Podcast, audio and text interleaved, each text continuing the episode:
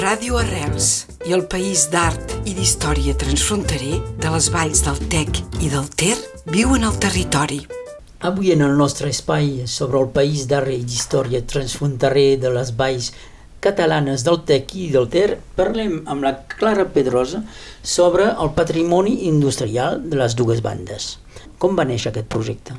Doncs bé, aquest és un projecte molt bonic i que ens fa molta il·lusió i és que hem estat tot un any treballant al voltant del patrimoni industrial del nostre territori gràcies a un projecte tutoritzat que es va engegar el curs passat, és a dir, el curs 2017-2018, amb els estudiants del màster professionalitzador de la Universitat de Perpinyà.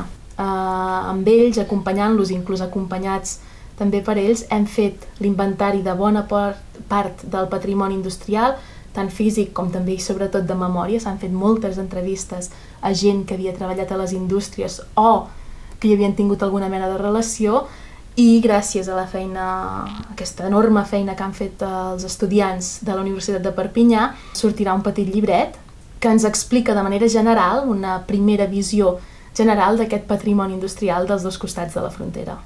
Zona rural, però un patrimoni industrial ric extraordinari i de fet no en som conscients.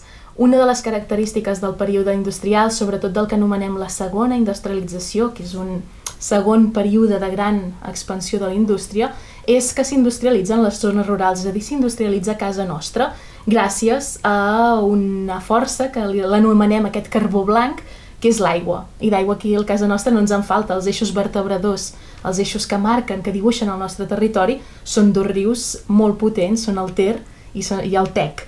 I sí, realment eh, hem descobert, i ha sigut gairebé una sorpresa també per nosaltres, descobrir que el patrimoni industrial de la nostra zona, del nostre territori, és riquíssim.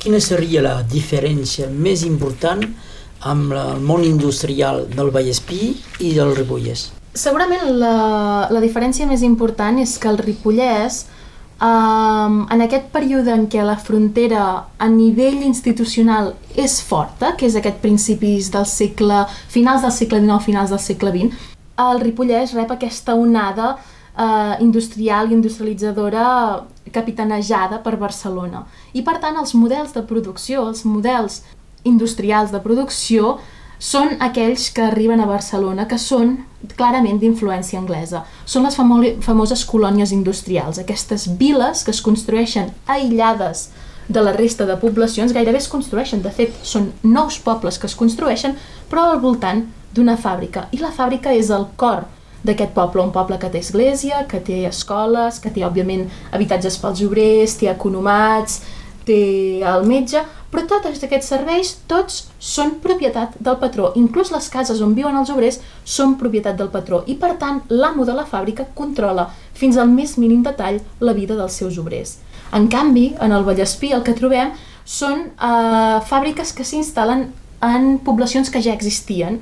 Mirem Sant Llorenç de Cerdans, mirem Prats de Molló, potser, que són els llocs on es desenvolupen, però també, més importantment, a les indústries, però també mirem el Baix Vallespí, mirem tot això que comentàvem de, de la indústria surera.